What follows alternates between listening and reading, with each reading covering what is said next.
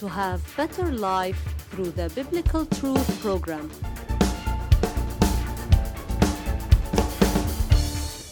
The title of today's biblical truth Trust the Lord and He will help you.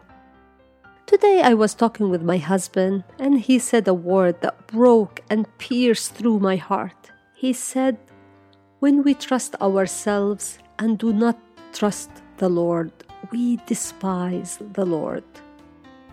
Wow, these words are very strong words, and I want to confess how many times I relied on myself, my abilities, my education, and, and, and many other things. Today's biblical truth trust the Lord and He will help you. In Jeremiah 17 5, the Word of God says, Cursed is the man who trusts in man and makes flesh his strength, whose heart departs from the Lord. But the Bible gives us the solution in the same chapter in Jeremiah 17 7 and 8. Blessed is the man who trusts in the Lord and whose hope is in the Lord. For he shall be like a tree planted by the waters, which spreads out its root by the river, and will not fear when heat comes, but its leaf will be green, and will not be anxious in the year of drought, nor will cease from yielding fruit. Wow, how sweet the Lord is! He immediately gives us a solution. But why are we dependent on ourselves?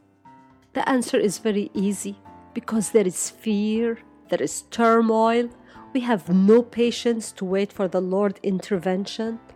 The Bible says in Philippians 4 6, Be anxious for nothing, but in everything by prayer and supplication with thanksgiving. Let your requests be made known to God the Lord cares for us and He wants to solve all of our problems. But we have to trust Him and wait for His will to be done in our lives, as Isaac was blessed in the year of famine, and as Joseph was appointed the second one after Pharaoh.